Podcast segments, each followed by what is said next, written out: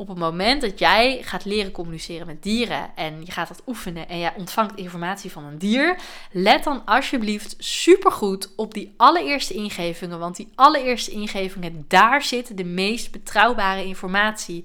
Daar zit de informatie voordat je brein er een sausje overheen gooit, voordat je brein er iets mee gaat doen, voordat je brein daar eh, mee aan de haal gaat. Die informatie is ontzettend belangrijk. Vertrouw alsjeblieft op die allereerste ingevingen en neem die altijd serieus. Hey, ik ben Ankie en dit is de In Verbinding met Je Dier podcast. Leuk dat je luistert. Ja, hallo allemaal. Welkom bij weer een nieuwe aflevering van de In Verbinding met Je Dier podcast. Super leuk dat je er bent en dat je luistert. Vandaag wil ik het uh, met jullie hebben over het vijfde basisprincipe van telepathisch communiceren met dieren. Zoals je weet, zoals je misschien wel weet, ben ik een podcastserie aan het maken over de zes basisprincipes van telepathisch communiceren met dieren. En dit is basisprincipe 5 al. Dit is de, de aflevering van het vijfde basisprincipe. Dus dat betekent dat de serie straks bijna klaar is. Um, misschien dat ik dan alweer nog, misschien dat ik dan nog wel uh, een andere serie ga maken. Dat weet ik eigenlijk nog niet. Daar heb ik nog niet over nagedacht. Maar ik vind het tot nu toe wel heel erg leuk. En ik krijg ook van jullie heel veel positieve reacties erop. Van heel veel mensen. Zeker van mensen die uh, willen leren communiceren met dieren. Of die dit eigenlijk al wat doen. Maar er graag nog wat beter in willen worden. Of zich daarin nog wat meer willen ontwikkelen. Uh, die dit gewoon allemaal heel interessant vinden. En nou, ik heb dus van tevoren, toen ik bedacht van hé, ik ga hier een podcastserie over maken. Heb ik dus die zes basisprincipes voor mezelf opgeschreven. Dus ik keek net even op mijn lijstje van, oh, wat was de vijfde ook alweer? En wat uh, mag ik vandaag met jullie gaan delen? En toen las ik dus het, het, onderwerp van vandaag. En toen dacht ik, oh, dit is misschien wel de aller, aller, allerbelangrijkste van de vijf. Ik zal even het lijstje erbij pakken. Ik kan nog even kijken of er nog meer, of ik, of, of ik de andere net zo belangrijk vind. Ja, ik vind ze allemaal belangrijk. Want het zijn wel, ze vormen echt de basis van het communiceren met dieren. Als je deze zes dingen um, doorhebt, ja, dan, dan kan het eigenlijk niet anders dan dat het communiceren met dieren of al lukt, of dat je al heel dichtbij bent en misschien nog een beetje oefening uh, en een beetje begeleiding daarin nodig hebt. Maar dat als je deze zes dingen uh, kunt zien en, uh, en hier kennis over hebt, dan ben je echt al heel erg ver. En eigenlijk is het onderwerp van vandaag, ik zal het zo noemen wat het is. je hebt al wel gezien, want je hebt de titel al gelezen. Um, maar eigenlijk is het onderwerp van vandaag en het onderwerp van volgende week, het zesde basisprincipe, die sluiten heel mooi bij elkaar aan. Dus ik weet gewoon zeker dat jullie hier heel veel aan gaan hebben, want dit zijn ook onderwerpen waar ik de meeste vragen over krijg van mijn cursisten. Het onderwerp van het vijfde basisprincipe, het onderwerp van deze aflevering is waarom het zo ontzettend belangrijk is en ik kan dat niet genoeg benadrukken waarom het zo ontzettend belangrijk is om je eerste ingevingen serieus te nemen. En het onderwerp voor volgende week, voor het zesde basisprincipe, gaat over hoe het komt dat mensen gaan twijfelen als ze dus communiceren met een dier of dat proberen.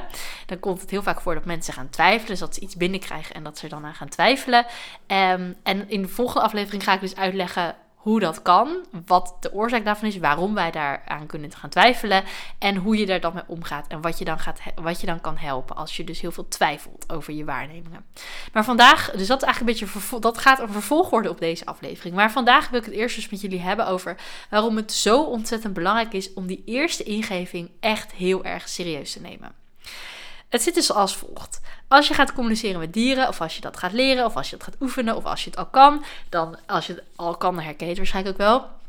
Je, je, je stemt af op het dier, je maakt contact met het dier, je krijgt informatie binnen en dat is Um, die informatie die komt als een flits binnen. Dat gaat ontzettend snel. Vaak is het een, een gedachte, een gevoel, een emotie, uh, een woord, een beeld, iets. Het plopt in één keer op.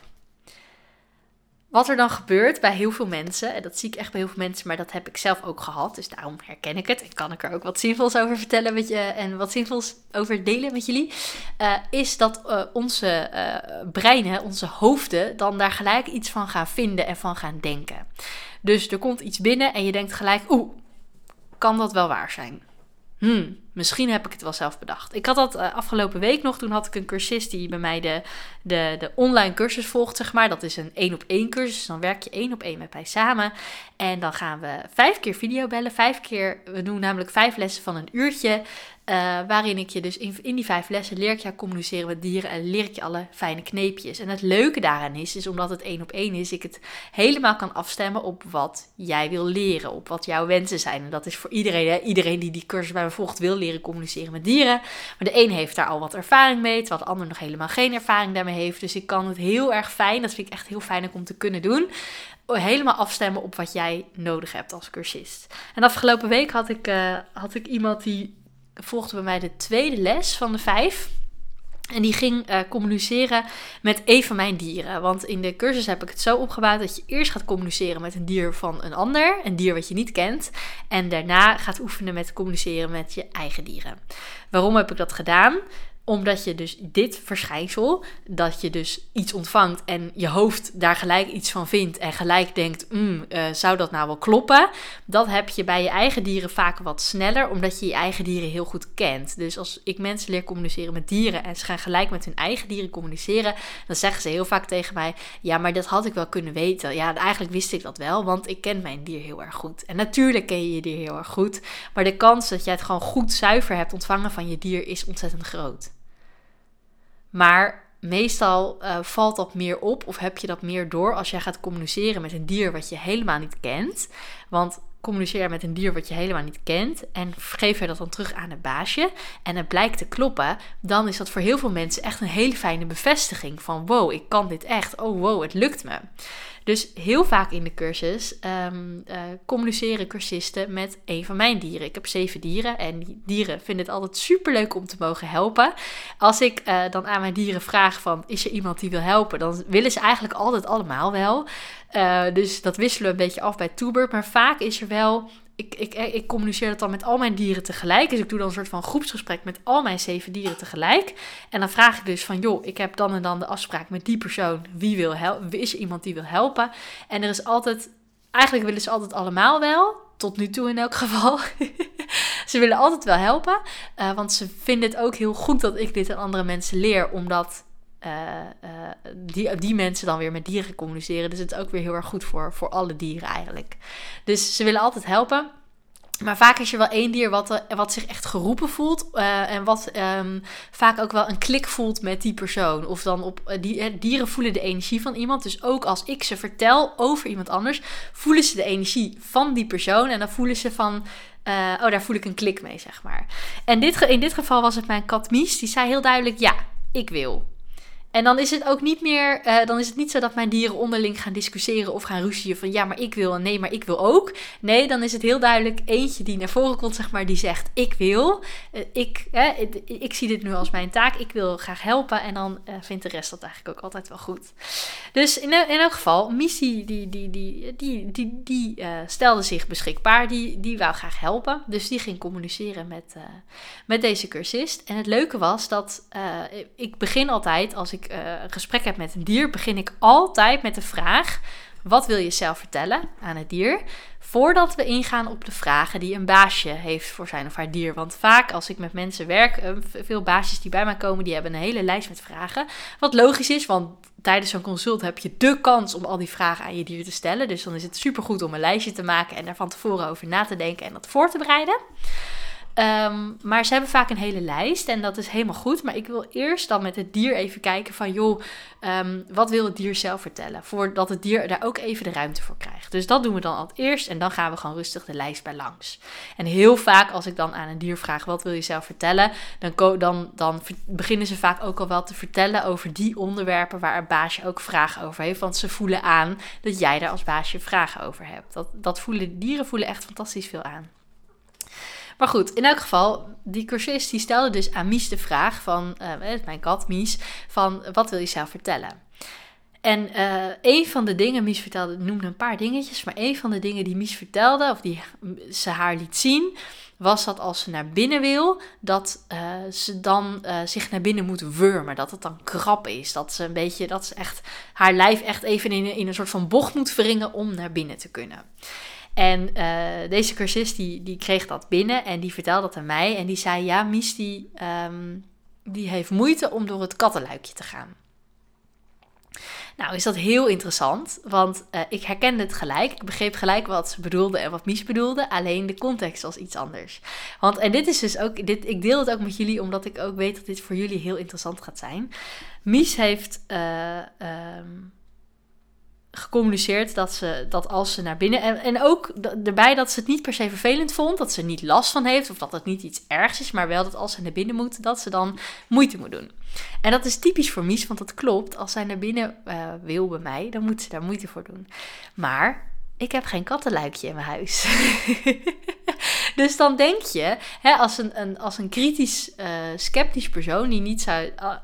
Als ik een heel sceptisch persoon zou zijn en ik zou niet geloven te communiceren met dieren, dan zou ik zeggen: ja, zie je wel, je kan het niet. Maar wat was er nou aan de hand? Um, Mies liet uh, dus zien van, hé, hey, ik uh, moeite om naar binnen te komen, ik moet moeite voor doen. En deze uh, cursist die interpreteerde dat als, oh, dan zal ze wel door een kattenluikje moeten. Want dat is wat de meeste katten moeten doen als ze ergens in huis naar binnen willen. Nou heb ik geen kattenluikje, maar ik heb een.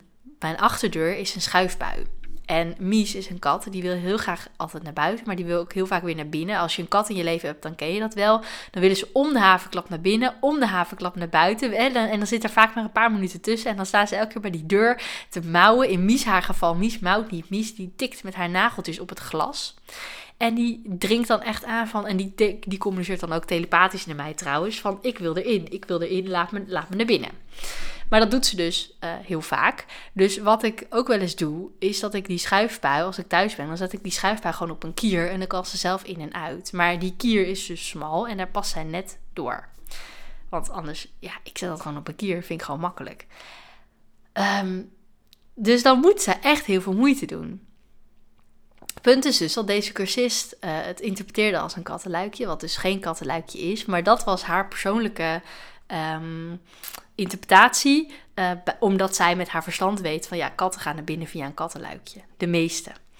Uh, in mijn huis kan ik geen kattenluikje maken, anders had ik dat zeker gedaan, want dat was, had, was voor mij ook veel makkelijker geweest. Maar goed, dat, dat gaat niet. Dus heb ik het met Mies even anders opgelost. Dus het mooie is dat Mies direct dit communiceerde en dat ik het ook direct herkende van, oh, dat is typisch iets voor Mies om te vertellen. Tegelijkertijd zag je dat de cursist het dus anders interpreteerde dan eh, er, iets, er een iets ander, andere interpretatie aan gaf dan dat Mies um, uh, had bedoeld. Um, maar dat is dus het leuke, dat is ook waarom we het communiceren met dieren oefenen. Want wat je dus eigenlijk wil, is dat je het communiceren met dieren um, doet zonder te interpreteren. En je moet altijd een beetje interpreteren, want een dier vertelt jou iets en dat moet je kunnen interpreteren om het om de woorden aan te geven. Er zit altijd een vleugje interpretatie in. Maar ik probeer voor mezelf die interpretatie zo klein en minimaal mogelijk te houden. En om alle informatie die ik dus doorkrijg van de dieren zo snel mogelijk, zeg maar zo objectief mogelijk door te geven aan de eigenaar. Ik doe dat ook direct zo snel mogelijk, omdat ik het anders ook weer kwijt ben. Want die informatie komt in een flits binnen, maar het is ook in een flits weer weg. Dus ik wil het gelijk uitspreken naar de eigenaar. Um, en dan kan ik het zo helder en objectief mogelijk doorgeven. En dan laat ik het aan het baasje over om het te interpreteren. Want die kent zijn dieren het beste, die kent de situatie het beste. Dus als deze cursist had gezegd, Mies heeft moeite om naar binnen te komen, die moet daar moeite voor doen. Dan, dat was eigenlijk het beste geweest, tussen haakjes het beste. Dat was het beste geweest omdat er dan zo weinig mogelijk interpretatie in zit. En dan begrijp ik gelijk wat er bedoeld wordt. Um, neemt niet weg dat deze interpretatie heel menselijk is. Wij zijn als mensen heel snel geneigd om dingen te interpreteren. Dat is gewoon letterlijk hoe ons brein werkt. Net als dat wij heel snel um, geneigd zijn om te oordelen over iemand. Maar dat is ook letterlijk hoe ons brein werkt. Want in ons brein zit een mechanisme. Ik weet niet wat daar de officiële termen voor zijn, maar ik heb hierover gelezen. Uh, in ons brein zit een mechanisme waardoor we binnen ik geloof iets van binnen 7 seconden, of misschien nog wel minder. In ieder geval binnen een paar seconden maken wij een soort van beoordeling van iemand op basis van zijn gezichtsuitdrukking, op basis van zijn uiterlijk, om te, in te schatten of iemand gevaarlijk is of veilig is. Dus dat is letterlijk iets wat je nodig hebt om te overleven, zeg maar. Dus dat is gewoon hoe ons brein in elkaar zit. Dus dat oordelen is niet per se slecht. Je maakt gewoon heel snel een inschatting, ben jij veilig of niet? En dat interpreteren van informatie is ook iets dat zit in ons brein. Zo zit ons brein letterlijk in elkaar. Dus dat is helemaal niet erg. Maar als je leert communiceren met dieren, is het dus heel mooi om die interpretatie zo minimaal mogelijk te houden. Tenzij je natuurlijk communiceert met je eigen dier, dan mag je het lekker gelijk interpreteren. Maar als je communiceert met een dier wat van een ander is en je geeft die informatie door, dan is het dus de kunst. En dat is echt iets wat je moet oefenen. Daar heb ik ook door de jaren heen, ben ik daar steeds beter in geworden. En nog steeds ben ik daar natuurlijk ook nog in aan het leren. Maar ik ben wel heel tevreden over hoe ik het doe. Um, de kunst is dus om de interpretatie zo minimaal mogelijk te houden. En zo weinig mogelijk te interpreteren. En zoveel mogelijk, zo objectief mogelijk gelijk door te geven. Maar goed, ehm, wat dus het punt was, en dat was dus wel grappig. Mies vertelde deze cursus verschillende dingen. En dit was met die deur en dat binnen, naar binnen gaan was één van de dingen. Dus uh, die cursus die zei van ja. Uh, die vertelde eerst nog wat andere dingen die Mies doorgaf. Toen zei ze ja. En nu, ja, Mies gaf nog iets door. Nou ja, en ik zal het wel zelf bedacht hebben. Maar volgens mij heeft ze moeite met naar binnen gaan.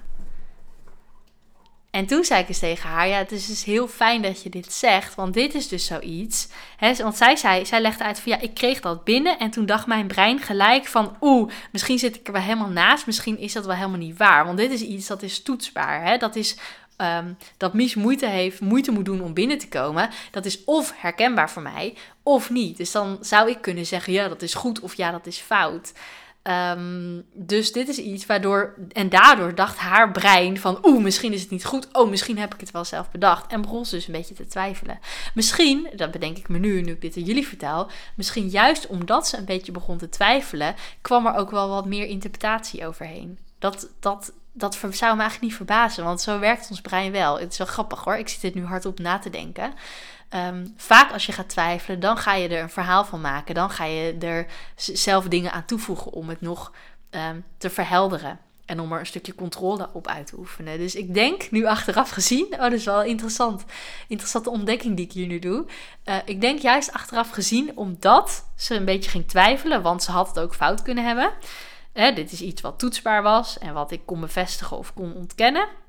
Daardoor ging haar brein twijfelen. En juist omdat haar brein ging twijfelen, was, de, was er meer interpretatie. Was er meer, gooide ze toch een klein beetje een eigen sausje eroverheen. Onbewust en niet expres. En dit was dus ook een heel interessant oefenmoment. Want het leuke is dus dat als ik mensen laat communiceren met een van mijn dieren of met een ander dier, met wie dan ook, als ik mensen laat communiceren met een dier en ik leer ze dit, dan maak ik ondertussen zelf ook contact met het dier en dan luister ik eigenlijk mee. Um, en juist omdat je het dan samen doet en dan vervolgens leggen we die antwoorden bij elkaar en kijken we wat eruit komt en bespreken we die ervaring. Uh, juist daardoor is het zo leerzaam. Dat krijg ik ook echt van al mijn cursisten terug. Al mijn cursisten zeggen stuk voor stuk, onafhankelijk van elkaar, hoe, dat ze het zo fijn vinden dat ik dan ook meedoe in het communiceren met dieren. Omdat ze dan net even wat meer steun ervaren en ik ze ook kan helpen op het moment dat ze ergens over twijfelen of ergens tegenaan lopen. Dus dat is gewoon ontzettend waardevol. En dat vind ik ook super leuk om te mogen doen. Um, maar ik luisterde dus mee. Um, en we hadden het er dus over. En toen hadden we het ook over wat er bij haar gebeurde en waarom ze er dus aan twijfelde. En waarom ik dit vertel, is omdat dit een heel mooi voorbeeld is van dat je dus zo'n eerste ingeving binnenkrijgt. Dat jij communiceert met een dier, jij ontvangt informatie, jij krijgt dingen binnen. Het is een eerste ingeving die binnenkomt.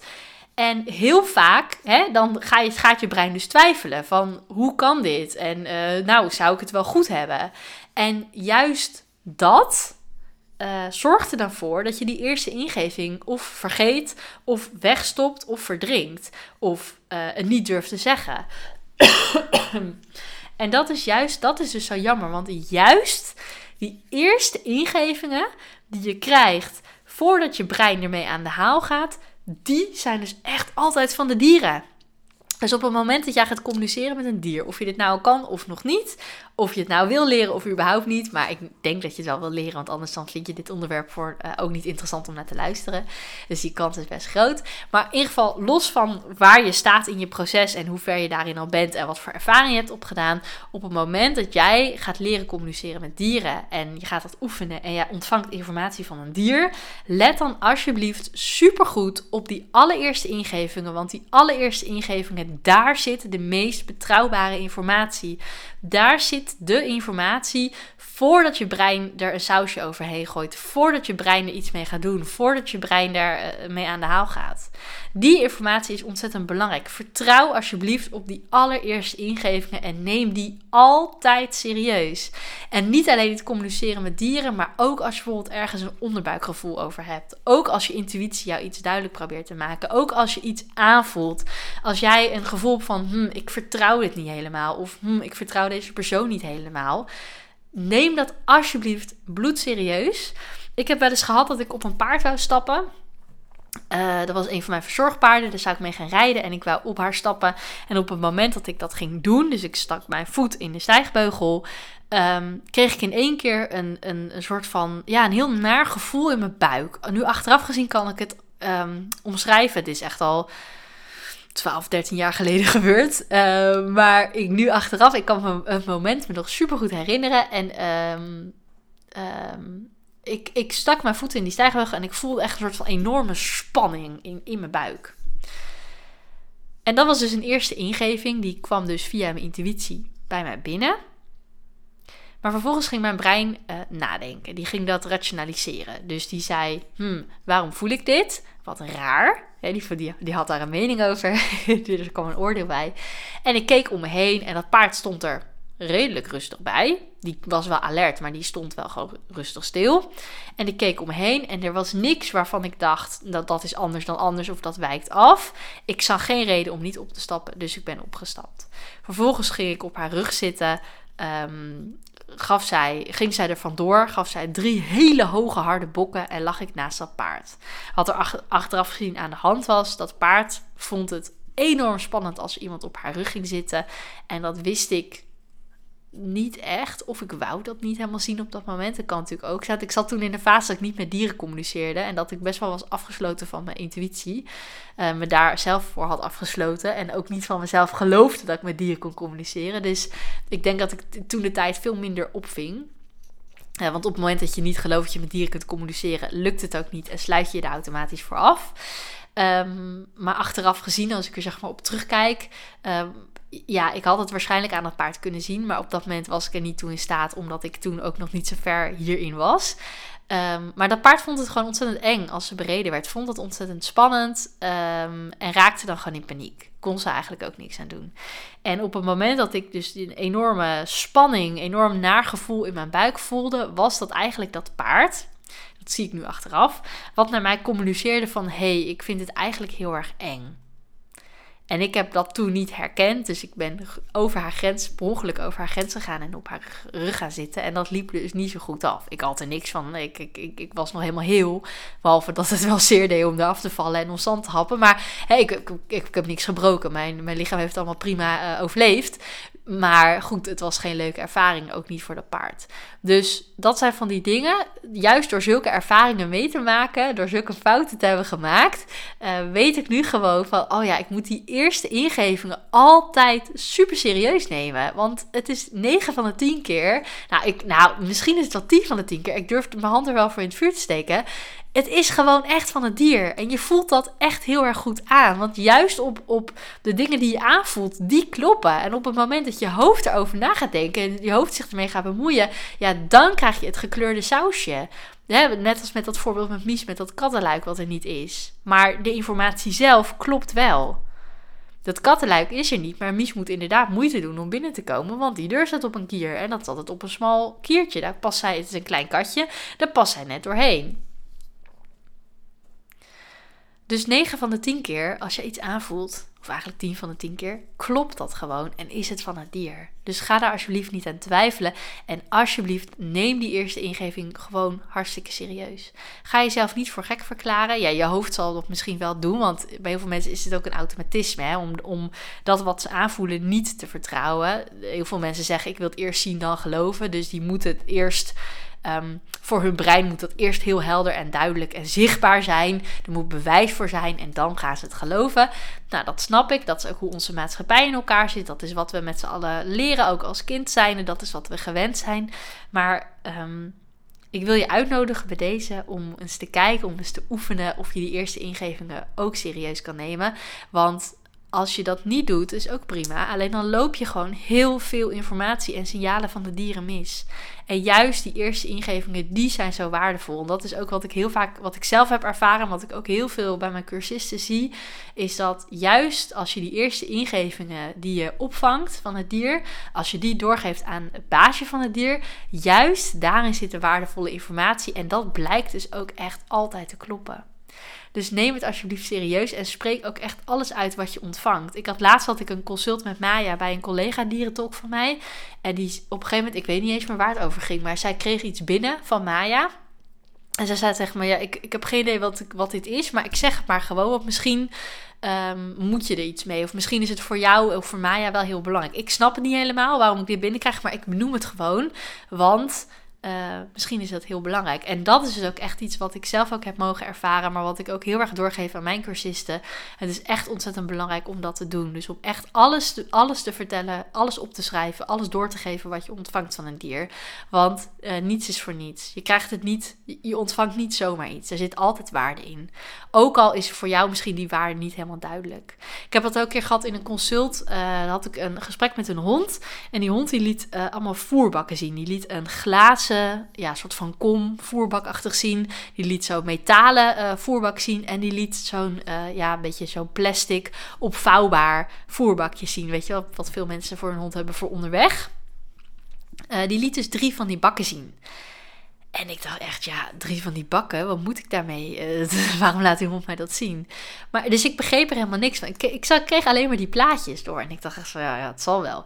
Maar toen uh, dacht ik dus van, oh nee, maar ik moet dit wel serieus nemen. Dus ik gaf het door aan de eigenaresse. En toen bleek dat dus gewoon te kloppen. Zij vertelde dat zij had voor haar hond inderdaad zo'n opvouwbaar plastic uh, voerbakje, zeg maar. En ze had binnenshuis had ze een metalen, of het voerbak of drinkbak, ik weet niet. Volgens mij ging het over, waren drinkbakken. Nou ja, in ieder geval, die hond moest uit eten of drinken. Uh, binnen hadden ze metalen staan en buiten in de tuin hadden ze een glazen. En die hond, die begon daarover omdat ze een voorkeur had voor ik weet niet meer voor welk van de drie. Ik weet alleen nog dat ze vertelde dat ze dat plastic opvouwbare bakje vond stinken. um, dus nou ja, goed. Die hond die, die wou daar iets over kwijt. En die had daar een verzoek in voor haar eigenaresse. Die wou daar iets over vertellen. Um, maar weet je, dat zijn van die dingen. Ik, ik vang dat dan op. Ja, ik snap dan soms ook helemaal niet wat een dier ermee bedoelt. Maar het is niet aan mij om het te interpreteren. Want ik ken het dier niet. Ik kan er niks mee. Ik hoef er ook niks mee. Dus ik geef het rustig door. En dat is het. Dus um, ja, neem die eerste ingevingen gewoon alsjeblieft heel erg serieus. Of je nou met je eigen dier communiceert of met het dier van iemand anders, maakt me niet uit. Neem het alsjeblieft serieus en kijk of je daar, eh, daarmee kunt oefenen voor jezelf. Want dat is heel belangrijk. En het is ons eerste reflex, wat ik al uitlegde, samenvattend. Uh, het is ons eerste reflex van ons brein om het niet serieus te nemen of om er bewijzen voor te gaan zoeken en het alleen te geloven als er bewijzen voor te vinden zijn. Maar mijn ervaring leert echt, en ik weet gewoon, het is wel grappig als ik, hierover, als ik hierover praat, dan moet ik een beetje aan mijn vriend denken, omdat hij dus een van die sceptische mensen is die dus echt bewijs nodig heeft om iets te geloven. Uh, maar ik weet gewoon uit mijn eigen ervaring. Mijn vriend keek me bijvoorbeeld van de week heel erg raar aan. Want ik had Maya, mijn hond, had ik een tekenband uh, gegeven. Uh, ik had haar tekenband weer even opgezocht. Want ze heeft zo'n tekenband met van die kralen erin. Die ken je misschien wel als je honden in je leven hebt. Dan ken je die misschien wel van die witte kralen. En die helpen tegen teken ik heb het vorig jaar zelf uitgeprobeerd met Maya. En het, bij Maya werkt het gewoon heel goed. Misschien werkt het niet voor elke hond, maar bij haar werkt het heel erg goed. Wel in combinatie met ook homeopathische middelen tegen teken en andere parasieten. Dus je krijgt ook druppels over de voer. Dus je krijgt inwendig iets en uitwendig dan die band. Uh, en die band die werkt gewoon ontzettend goed. Dus die had ik weer, uh, heb ik weer bij de omgedaan. Omdat de temperaturen gewoon al best weer hoog zijn. En ik de natuur alweer een beetje uit de winterslaap zie komen. En weer tot leven zie komen. Dus mijn vriend die, die zag die band. Die zei, hey, heeft zo'n een band om? Ik zei, ja, dat is een tekenband. Toen zei hij, oh, maar dan hoop ik wel dat het zo'n normale is. Hè? Ik zei, wat bedoel je met zo'n normale? Hij zei, ja, zo'n normale waar dan van die stofjes in zitten. Ik zei, ja, lieverd, sorry, maar nee. ik doe niet zo'n band om bij mijn hond. Tenzij uh, ze dat nodig zou hebben. Hè? Tenzij, stel nou voor dat ze heel veel last hebben van teken. Of dat er heel veel andere parasieten zouden zijn. Weet ik veel, vlooien of zo.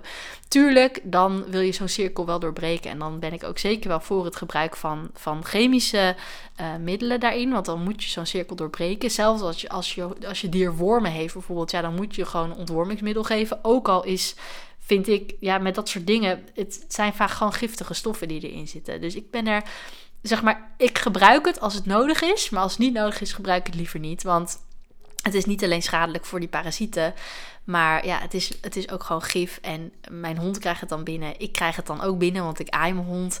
Dus ik ben daar gewoon standaard niet zo'n voorstander van. Zeg maar, ik ben er voorstander van als nodig is. Maar als het niet nodig is, dan hoeft het van mij niet. En nou iedereen heeft daar zijn eigen visie, visie op. Ik doe lekker wat bij mij past. Nou, mijn vriend heeft daar een andere visie op. Dus die zei, ah, het is toch wel zo'n normale band, hè? Ik zei, nou, lieverd, dit is een band met kralen.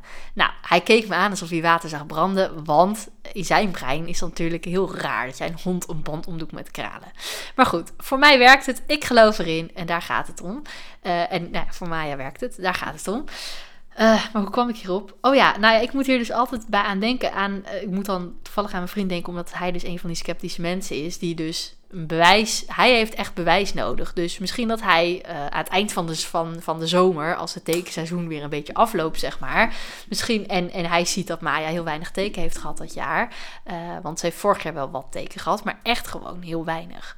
Dus dat was heel goed te doen. Maar, um, dus zo'n band werkt wel, alleen ja Misschien niet, niet altijd. Dat, dat, nou goed. In elk geval, ik hoef niet uit te leggen waarom zo'n band werkt. Je gelooft het of je gelooft het niet. Maar misschien dat hij dat, als hij er bewijs voor ziet, dat hij dat wel gaat geloven. Maar dat is iets, nou ja, wat ik dus eigenlijk wil zeggen.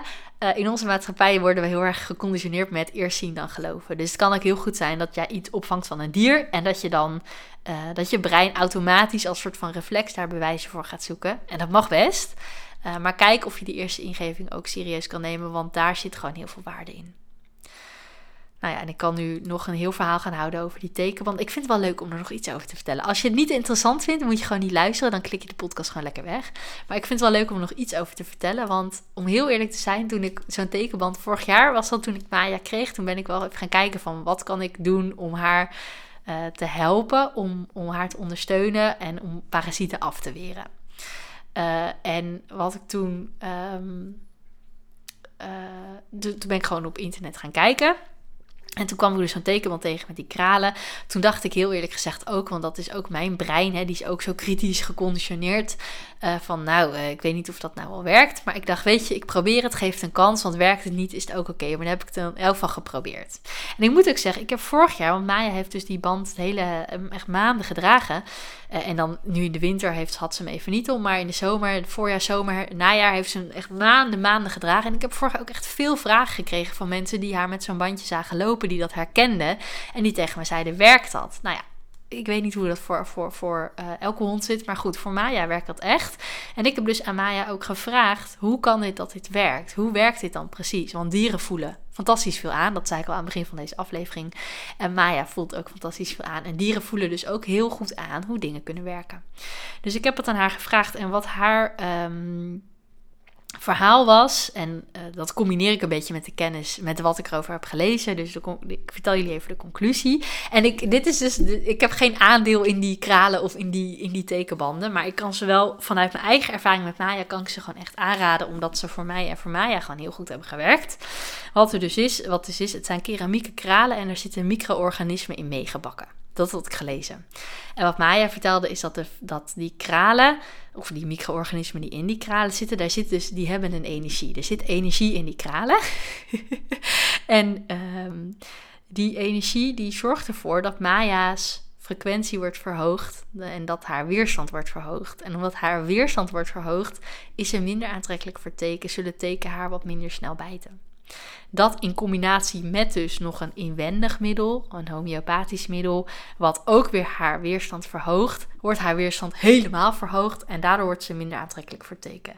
Ze heeft wel eens een teek uh, gehad vorig, vorig, vorige zomer, uh, maar dat was dus eigenlijk helemaal niet zoveel. Ik denk dat ze misschien nou, van, van maart tot uh, september, zeg maar, of tot oktober. Ik weet niet wanneer het echt koud, koud werd. Maar in die maanden heeft ze misschien vijf keer een take gehad, zes keer, zoiets. ik heb een paar keer een take uit haar, van haar moeten verwijderen, maar helemaal niet zoveel. Maar goed, um, even, even hierop ingaande, op, op teken, maar ook op andere parasieten. Kijk wel heel goed wat hierin bij jouw dier past, want wat voor Maya werkt, hoeft natuurlijk niet voor elke hond te werken. Uh, dus kijk daarin even heel erg goed. En voel ook even goed bij jezelf wat goed is. Ik weet bijvoorbeeld van de hond van mijn ouders. Uh, die had altijd van die chemische tekenbanden. En op een gegeven moment legde ik dus mijn visie daarop uit. Had ik het met mijn visie deelde ik met, met mijn moeder daarover. Dat ik zei van weet je, die chemische middelen op zich oké. alleen ik gebruik het als ik gebruik het alleen als het echt nodig is. Liever niet als het niet nodig is. En toen, ja, mijn moeder kon zich daarin vinden, maar die zei, ja, wat moet ik dan? En er waren allerlei verschillende dingen. Ik weet bijvoorbeeld, en uiteindelijk kwamen zij uit bij een poeder, wat ze door het eten van, van hun hond doen, uh, wat dus ook teken uh, afweert. Dus dat zal waarschijnlijk een vergelijkbare werking hebben. Wat, het was een kruidenpoeder, wat, wat weerstand verhoogt en wat het gewoon, wat zo'n dier dan gewoon minder aantrekkelijk maakt voor teken. Um, dus ja, het, het, gaat ook, het, heeft ook echt heel erg te maken met de algehele gezondheid. En ik hou er heel erg van om dan echt holistisch daarnaar te kijken. Toen ik mijn kat Mies kreeg, heb ik me hier ook in verdiept. Ook rondom um, uh, het, gebruik, het, ontwormen van je dier. Maar ook uh, inderdaad het gebruik van chemische middelen voor um, tegen vlooien, tegen teken, tegen andere parasieten. En toen heb ik ook een, een natuurgeneeskundige voor dieren heb ik ook naar Mies laten kijken. En die vrouw die communiceert ook met dieren, dus die heeft toen ook met Mies gesproken. En wat zij toen ook uitlegde was van ja, weet je, als jouw kat wormen heeft, dan moet je hem gewoon ontwormen. Ontworm je niet, gaan die wormen niet weg, heb je een probleem. Dus je moet zeker ontwormen. Maar wat zij toen uh, vertelde was van je kan bijvoorbeeld ook ontlastingonderzoek uh, laten doen. Dus dan stuur je een, stukje van de drol van je kat op uh, naar een lab en dan kijken ze in, in die ontlasting van zitten daar wormen of zitten daar wormeneitjes in. Kunnen ze op allerlei verschillende wormen ook, ook testen. ik heb het ook wel eens gedaan voor Mies en ook voor Maya en ook voor mijn paard. Um, laat ik af en toe die ontlasting onderzoeken om te kijken of ontworming nodig is of niet. En dan ontworm ik als het nodig is, maar is het niet nodig, dan doe ik dat ook niet. Want dat scheelt dan weer uh, uh, die stoffen in hun lijf, die gifstoffen in hun lijf. Want weet je, een lichaam moet het allemaal weer afbreken. Dus op het moment dat een dier geen wormen heeft, maar je, maar je geeft ze wel ontwormingsmiddel. En daar zitten gewoon chemische uh, stoffen in die niet per se heel goed zijn voor het lichaam, die het lichaam niet nodig heeft. Maar het lichaam moet dat wel weer afbreken, dus dat kost weer energie. Dat kan ook de weerstand weer verlagen, waardoor ze weer aantrekkelijker worden voor parasieten. Dus het is even in het kort een beetje mijn visie daarop. Ik ben hier geen expert in, ik heb hier niet voor geleerd, ik heb hier niet voor gestudeerd. Dit is wat ik erover heb uh, dit is, deze visie heb ik gevormd op basis van wat mijn dieren hier, mij hierover hebben verteld. Op basis van wat ik erover heb gelezen. En op basis van mijn eigen ervaringen. Dus doe ermee wat je ermee wil doen. Wil je er niks mee doen, is het ook helemaal goed. Uh, je hoeft er ook helemaal niks mee. Uh, maar ik vind het, vond het gewoon even leuk om te delen. Dus dat is het een beetje. En ja, nogmaals, weet je, wij leven in een wereld waarin de meeste mensen uh, hebben iets, echt iets hebben van nou eerst zien dan geloven en, en wat minder openstaan voor um, uh, ja, dingen die niet bewezen zijn. Terwijl ik uit mijn eigen ervaring, zowel met mijn dieren, maar ook voor mezelf, heel erg heb gemerkt dat dingen. Uh, gewoon kunnen werken. Ook als iets niet bewezen is, kan het wel gewoon werken. Kan het heel veel waarde hebben. Ik merk het alleen al in mijn werk, wat ik doe naast, um, naast, mijn, naast mijn werk als dierencoach. Want ik werk ook als beeldend therapeut met kinderen. Beeldende therapie is een therapievorm die niet wetenschappelijk bewezen is. Of nou ja, er komt wel steeds meer wetenschappelijk bewijs voor dat dat gewoon werkt. Maar dat is heel sumier. Uh, tijdens mijn studie heb ik ook, is daar bij mij ook heel erg op gehamerd van, door de docenten van ga dat alsjeblieft uh, onderzoeken. Voor mijn afstudeeronderzoek moest ik dat ook echt gaan onderzoeken van wat is het effect van de behandeling die ik geef. Omdat er gewoon heel weinig wetenschappelijke onderbouwing voor is. Terwijl ik elke dag in de praktijk zie dat het werkt. En met mij geloven gelukkig de organisatie waar ik voor werk en de mensen die ik mag helpen, die geloven daar gelukkig ook allemaal in en die zien daar ook de waarde van in. Maar neem niet weg dat het soms ook best lastig is om uh, te onderbouwen waarom die vorm van therapie voor dat kind, dat ik, werk met kinderen, uh, nodig is en zinvol is, omdat er weinig wetenschappelijke onderbouwing voor is. Dus wij gaan als maatschappij gaan we heel erg prat op dingen die wetenschappelijk zijn onderbouwd. Dan vindt iedereen het in één keer fantastisch. En dingen die niet wetenschappelijk zijn onderbouwd, dat vinden we toch met z'n allen wel lastig om te geloven ik snap dat ergens ook wel. En het is ook ergens wel gezond. Want um, ja, er zijn helaas ook mensen die een niet zuivere intentie hebben. Of die soms kwade bedoelingen hebben. En die je iets wijs willen proberen te maken. Dus blijf wel altijd heel erg goed is zeg maar, het is wel goed om daar kritisch in te zijn. Blijf daar ook kritisch in. En blijf vooral altijd gewoon heel erg goed voelen wat voor jou werkt en wat voor je dier werkt. Ga niet zomaar iets doen omdat iemand zegt dat het werkt. Maar onderzoek het wel voor jezelf. Want zoals je dus aan mijn verhaal wel kan merken, toen ik las over die tekenbanden met die kralen, was mijn eerste gedachte ook: nou, hmm, ik weet niet of dat wel werkt. Maar uiteindelijk ben ik het gewoon gaan onderzoeken voor mezelf. En toen bleek het in ieder geval voor mij en voor mijn hond dus wel te werken. Dus nogmaals, ik heb daar geen aandelen in. Dit is gewoon puur mijn persoonlijke ervaring. En ehm, ik denk dat het gewoon heel belangrijk is om altijd zelf na te blijven denken. En daarin is het dus heel gezond om kritisch te zijn. Alleen ik kan gewoon niet meegaan, maar dat is mijn persoonlijke overtuiging, mijn persoonlijke mening. Ik kan er gewoon niet in meegaan dat alleen dingen die wetenschappelijk onderbouwd zijn, uh, werken. Want dat is niet mijn ervaring. Mijn ervaring is dat er heel veel dingen heel goed kunnen werken, uh, mits je ervoor open staat. en ja, naar niet alles is onderzoek gedaan. Dus, nou goed, dit was nog even een heel verhaal over hoe ik hier naar kijk. Um, ja, nou ja, goed. Ik heb gezegd wat ik wou zeggen. Ik hoop dat je hier wat aan hebt. En dat je er hier iets waardevols voor jezelf hebt uitgehaald. Of misschien wel meerdere waardevolle dingen voor jezelf hebt uitgehaald. Ik hoop in elk geval dat deze informatie die ik in deze aflevering heb verteld. Dat die weer heel erg, uh, jou weer heel erg mag helpen in jouw pad uh, van het communiceren met dieren. En jouw eigen ontwikkeling uh, daarin. Als je nog vragen over hebt. Of als je mij wilt laten weten wat je van de aflevering vond. Of wat jij er hebt uitgehaald. Stuur me dan een gerust een berichtje. Want dat vind ik super leuk om te horen als je vragen hebt, mag je ook altijd stellen. Dat vind ik alleen maar hartstikke leuk. Um, en dan hoor je me in de volgende aflevering weer. Dus dankjewel voor nu, dankjewel voor het luisteren en uh, tot de volgende keer. Leuk dat je hebt geluisterd naar de In Verbinding met Je Dier podcast. Vond je nou interessant? Deel hem dan vooral met anderen en laat mij weten wat je ervan vond. Wil je nou meer inspiratie en tips ontvangen? Volg me dan ook op Instagram, dierencoachankie. Tot de volgende!